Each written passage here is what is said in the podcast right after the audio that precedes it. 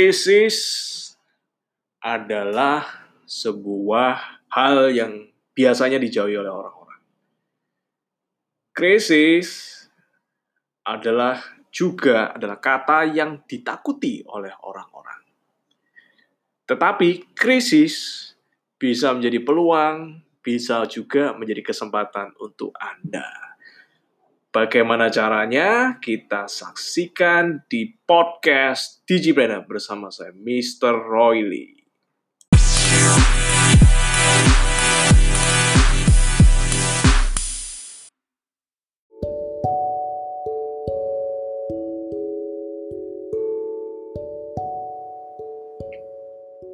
Ya,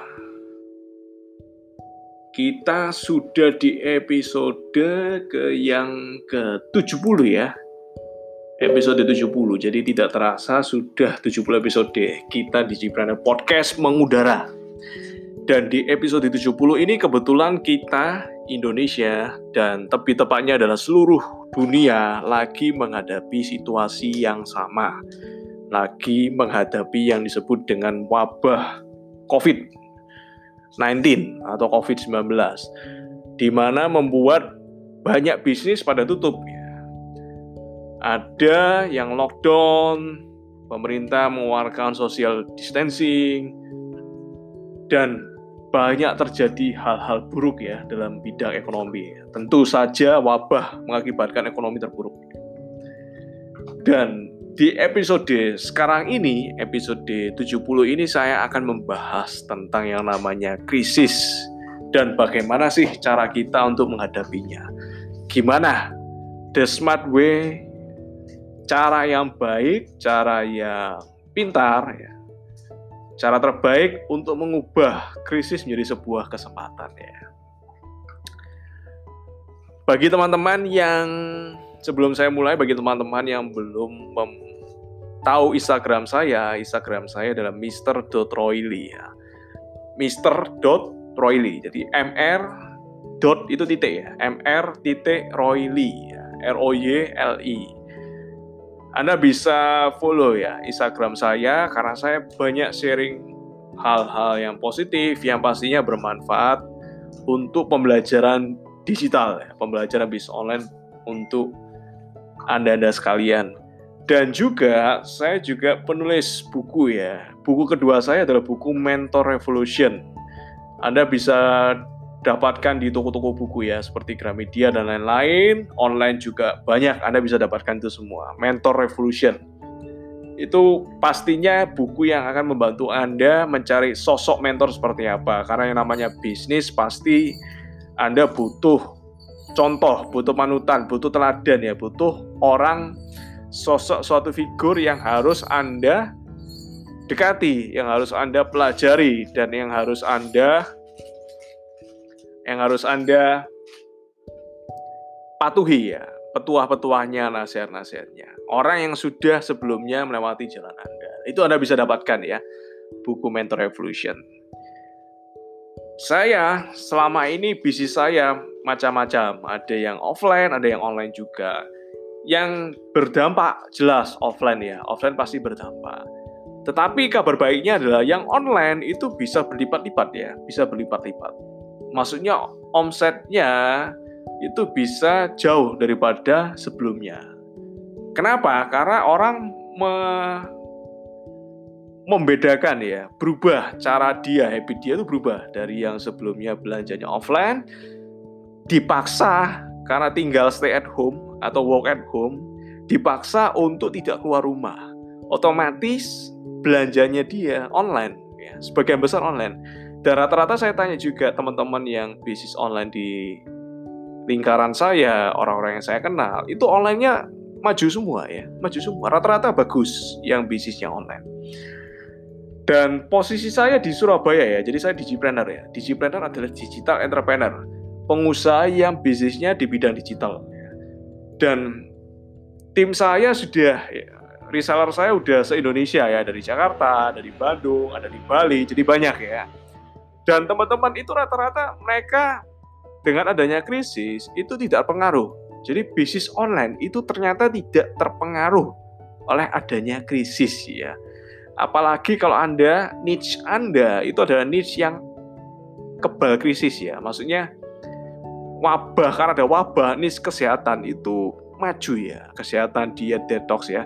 Mendadak orang-orang itu sadar bahwa dia itu butuh yang namanya kesehatan. Yang dulunya nggak peduli ya tentang kesehatan itu tiba-tiba merasa bahwa dirinya harus sehat supaya apa supaya imunnya tinggi dan bisa menghadapi virus ya menghadapi virus jadi banyak sekali permintaan demand untuk produk kesehatan sangat tinggi dan ketika bis Anda di bidang kesehatan itu kabar baik buat Anda ya itu kabar baik buat Anda dan bisnis saya adalah bisnis di bidang kesehatan. Anda yang ingin tahu toko online saya, saya juga mau buka reseller buat teman-teman Digipreneur.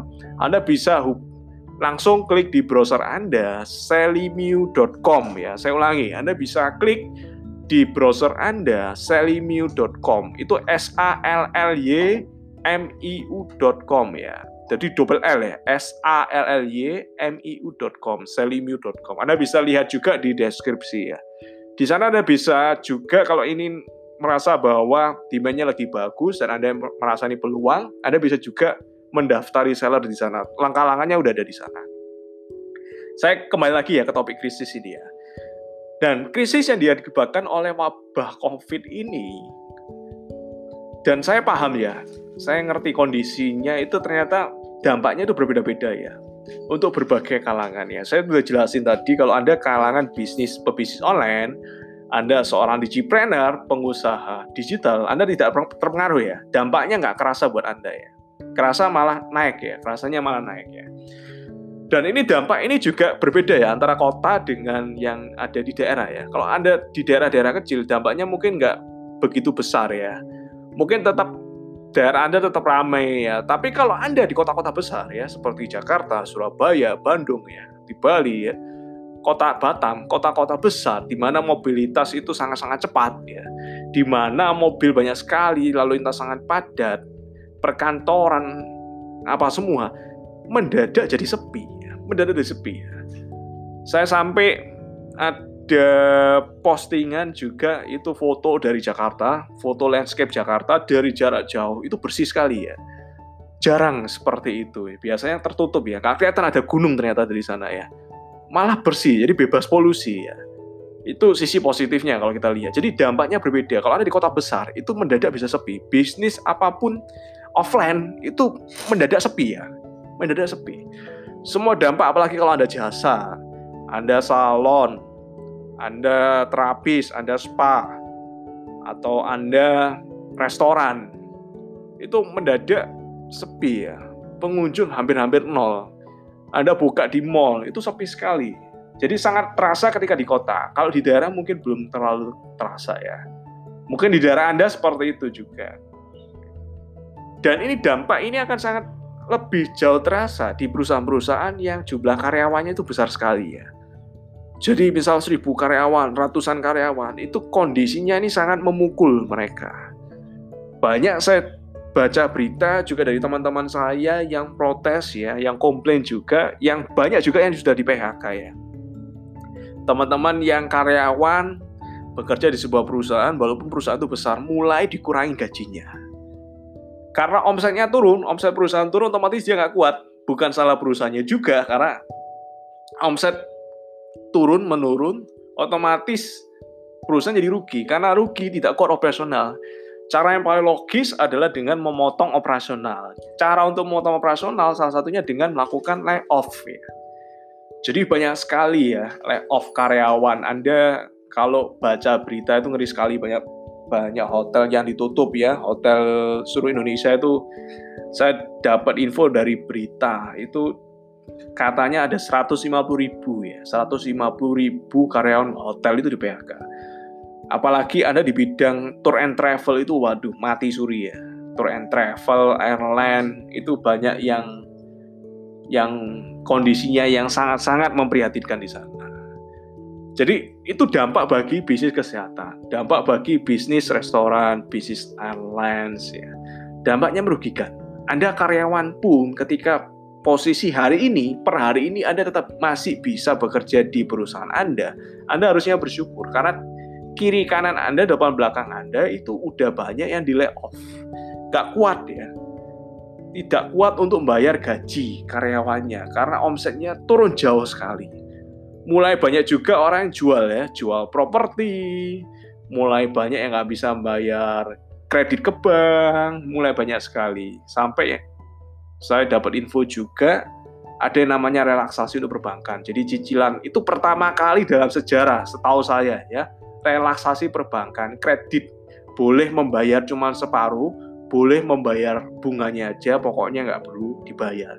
Itu baru pertama kali saya mendengar, saya mengalami dan di krisis kali ini. Jadi benar-benar berdampak ya, benar-benar efek ya. Anda di perbankan pun juga pasti akan berdampak. Lalu juga ketika Anda melihat sosial media ya, ada banyak pengemudi ojol, ojek online, pedagang kaki lima karena masih sepi, karena sangat sepi, banyak yang tutup ya, banyak yang tutup banyak yang mengeluh. Dulu ojol dapat profit sekian, dapat income sekian, sekarang berkurang jauh. Apalagi di Jakarta ada PSBB ya, dimulai diadakan. Jadi katanya ya, dengar-dengar ojek online tidak boleh menum mengangkut penumpang di belakangnya. Nah, cuman bisa mengangkut barang. Itu kan menambah menambah efek negatif bagi mereka ya. Jadi ketika pelanggan sepi, mereka ada banyak juga kalangan yang butuh yang namanya yang mereka penghasilannya penghasilan harian. Jadi ketik hari ini kerja untuk makan besok ya. Hari ini kerja untuk makan satu minggu ya. Kalau misalnya hari ini nggak kerja, besok nggak bisa makan. Kalau hari ini minggu ini nggak bekerja, minggu depan udah susah untuk makan, susah bayar utang, bayar cicilan utang. Nah mereka inilah yang juga terdampak dengan adanya wabah ini ya terdampak dan itu sangat sekali terdampak. Anda yang mahasiswa mungkin beda lagi. Mungkin kuliah Anda libur. Ketika Anda mau pulang, misalnya ke kampung Anda atau ke kota asal Anda, Anda nggak bisa pulang. Di mana transportasi umum udah mulai ditutupin ya, supaya wabah tidak menyebar. Jadi transportasi mulai dibatasi. Anda dari luar kota yang seharusnya mencari ilmu di kota-kota besar, justru akhirnya Anda terkurung di dalam kamar kos-kosan Anda atau apartemen Anda. Dan itulah dampak yang berbeda-beda bagi bidang bisnis yang berbeda, bagi kalangan-kalangan yang berbeda, dengan background yang berbeda. Dampaknya bermacam-macam. Ya. Dampaknya bermacam-macam. Saya ingin pendengar saya ini, Anda walaupun ada di rumah, work from home, mungkin bisnis Anda belum bisnis online saya anjurkan Anda menjadi yang lebih produktif ya. Lebih produktif. Kalau Anda susah jualan offline, Anda harus mulai berpikir gimana sih caranya saya untuk jualan online. Gimana sih mengonlinekan bisnis saya? Gimana caranya customer saya yang nggak datang di mall, gimana caranya beli produk saya? Tanpa dia harus datang. Jadi mulai Anda, inilah waktunya Anda untuk berpikir kreatif. Ya. Karena saya yakin ya, seyakin-yakinnya tiap kali krisis itu pasti ada OKB baru ya. Jadi itu rumusnya ya. Setiap kali krisis ya selalu ada OKB baru, orang kaya baru. Jadi krisis itu adalah saat penentuan ya. Kalau Anda posisi sekarang sudah kaya, Anda tidak berinovasi, tidak inovatif, Anda tidak berpikir kreatif, Anda tidak melakukan gebrakan ya, Anda tidak mulai berpikir out of the box, Anda bisa bangkrut jatuh miskin. Itu problemnya. Jadi yang kaya bisa jadi bisa turun ke bawah. Yang biasa-biasa bisa mendadak kaya karena dia melihat peluang. Tergantung Anda di mana ya. Karena tiap kali krisis itu terganti bergantian. Ada yang kaya tetap kaya, ada yang tambah kaya, ada yang kaya turun menjadi biasa-biasa, turun level. Ada yang biasa-biasa krisis ya tambah susah ada ya. Ada yang dulunya susah tambah susah lagi ada juga. Ada yang dulunya susah jadi mendadak kaya jadi jadi OKP itu selalu ada. Dan itu saya amati ya setiap kali orang kaya baru ya pengusaha baru pengusaha besar baru itu selalu muncul ketika adanya krisis. Anda ada riset coba saya udah riset ya selalu ya selalu ya dalam tiap kali krisis selalu ada orang kaya baru ada orang kaya yang tidak jadi kaya lagi. Nah, posisi Anda di mana? Posisi Anda di mana ya? Saya sebagai seorang digipreneur, digital entrepreneur, saya ingin membantu Anda supaya bisa mendapatkan income ya. Terutama bagi Anda yang posisi sekarang belum punya bisnis online ya. Kalau Anda belum punya bisnis online, segeralah berbisnis online ya. Jadi ini justru saat Anda krisis itu Anda bukan diam aja di rumah. Memang memang anjurannya adalah work from home ya. Stay at home. Tapi bukan cuma tidur-tiduran di rumah ya, bukan sleep at home ya atau santai di rumah, tapi Anda work at home itu adalah bekerja di rumah. Jadi Anda harus bergerak ya, walaupun Anda di rumah, tapi pikiran Anda bergerak. Anda terus melihat ya, gimana ada peluang. Ini kira-kira bisa jadi duit nggak? Ini bisa jadi income nggak? Jadi Anda harus terus berjalan ya. Jangan berhenti, justru karena krisis, bukan Anda berarti menyesali nasib Anda, lalu Anda berhenti. Bukan ya, tapi Anda harus semakin aktif ya. Yang dulunya Anda tidak punya berpikir pikiran untuk belajar ini belajar itu mulai Anda belajar, mulai Anda berpikir terbuka ya. Yang dulunya mungkin tidak berpikir tentang oh saya ini udah punya aktif income sebagai karyawan, saya ingin punya income yang lain, mungkin dengan cara berinvestasi di pasar saham ya kan, saham lagi murah, Anda berinvestasi sana, Anda belajar tentang saham bisa juga. Atau Anda berpikir saya punya saya punya udah punya aktif income, istri saya di rumah rumah tangga di rumah, mungkin lebih nganggur, saya bisa bukakan bis online buat istri saya supaya income-nya jadi double ya. Aktif income-nya jadi double. Saya punya dapat income, istri saya juga dapat income. Mungkin bisa seperti itu juga.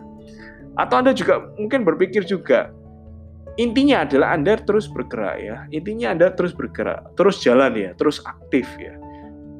Jadi kalau misalnya dulu ya, dulu Anda Misalnya ingin belajar sesuatu, Anda ingin mencoba hal baru. Tapi Anda masih di dalam comfort zone, itu dulu ya. Anda masih nyaman, gini aja saya bekerja udah cukup, udah cukup makan ya, semuanya kebayar ya sudah, saya nggak perlu kerja keras di rumah saya santai-santai. Saya melakukan pekerjaan selesai ya sudah, saya tidak perlu melakukan yang lain, tidak perlu yang namanya sampingan atau hasil atau apa. Cukup satu profesi aja saya lakukan udah cukup makan ya sudah, anak-anak sekolah kebayar ya sudah itu comfort zone ya kalau dulu anda santai di dalam zone anda sekarang waktunya anda untuk bergerak ya bergerak kuat. Karena udah nggak ada namanya lagi zone itu nggak ada sudah ya. Ketika krisis anda masih zone itu artinya anda nggak akan bisa survive ya. Anda nggak akan bisa survive. Jadi waktu berubah adalah sekarang. Kalau misalnya dulu anda masih menunda-nunda kalau misalnya dulu Anda masih merasa oh nanti aja, oh ini bisa ditunda, oh nggak perlu lagi, nanti aja deh, saya masih sibuk apa semua. Itu dulu, tapi sekarang Anda harus berubah ya. Dan yang ketika ada berubah, Anda tahu seperti penjelasan saya tadi, bisnis online adalah bisnis ketika sekarang justru kebal ya. Justru kebal dan ini kesempatan Anda untuk masuk ke bisnis online. Anda udah tahu, oh oke, okay, saya akan masuk ke bisnis online ya tapi bisnis online kan luas sekali ya, luas sekali ya. Ada yang namanya marketplace, ada yang namanya dropshipping, ada yang namanya reseller, ada yang namanya youtuber, ada yang namanya podcast, ada yang namanya selebgram, ada yang namanya jualan ini, jualan ini banyak sekali, sangat sangat sangat luas ya. Nah, apa yang harus saya pilih? Saya setuju bahwa bisnis online adalah yang harus saya pelajari, yang harus saya lakukan. Nah, ketika Anda sudah berpikir seperti itu, ini waktunya Anda untuk membuat peta ya untuk membuat peta ya. Saran saya ketika Anda masuk ke bisnis online, cara yang termudah adalah dengan berjualannya, berjualannya. Jadi ketika Anda bisnis online ada yang namanya Facebook advertising, Instagram marketing, lalu ada yang namanya Google Ads, GMB, bikin website domain. Hal itu adalah hal-hal yang butuh skill. Itu adalah hal-hal yang butuh waktu untuk belajar itu butuh waktu, butuh sumber daya untuk belajar. Dan saya rasa itu nggak cocok buat Anda. Tetapi ketika Anda berjualan online, Anda cuma bikin yang namanya toko online, Anda mulai mencoba menjadi reseller jualan online. Itu adalah saran yang tepat ya, cara yang tepat. Kenapa? Karena Anda nggak perlu lagi ngabisin waktu untuk belajar. Anda nggak perlu lagi, memang Anda harus belajar, tapi nggak perlu ngabisin banyak waktu untuk belajar. Bayangkan ketika Anda awam di bidang internet, Anda langsung belajar yang namanya SEO ya. SEO, Anda belajar namanya SEM ya, nggak nggak akan bakal masuk ya. Butuh waktu berbulan-bulan ya. Sedangkan Anda butuh income untuk bisa makan. Sedangkan Anda butuh income untuk bulan depan bisa bayar cicilan. Sedangkan Anda butuh income untuk memastikan bahwa anak Anda tetap sekolah. Jadi Anda butuh yang namanya bisnis yang cepat ya. Menghasilkan duit yang cepat ya. Muternya cepat ya. Beli sekarang jual besok, beli beli hari ini jual besok ya. Beli sekarang bisa jual sekarang, bisa untung sekarang. Nah, itu yang cocok adalah bisnis online, jualan online. Kunci dari jualan online yang laris adalah produknya sudah laris ya. Saya ulangi lagi, kunci dari jualan yang laris adalah produknya sudah laris. Nah, Anda bisa mempertimbangkan juga untuk menjadi reseller saya ya. Saya ulangi lagi, Anda bisa mempertimbangkan juga menjadi reseller saya. Anda bisa buka di browser Anda www.selimiu.com. Itu adalah toko online saya ya. S A L L Y M I U.com. Kita membuka reseller dari seluruh Indonesia di mana pun Anda berada. Anda bisa menjadi reseller di saya dengan Anda masuk ke website tersebut ya. Dan saya yakin informasi kali ini akan membuat dampak luar biasa bagi hidup Anda, membuat Anda bergerak ya. Yang dulunya Anda nyaman menjadi belajar sesuatu. Yang dulunya Anda ingin bergerak sekarang menjadi bergerak. Yang diri, yang dulunya ingin berjualan online tapi Anda menunda, sekarang Anda sudah bisa berjualan online. Sekian dari saya, saya selalu buat Anda salam Digipreneur.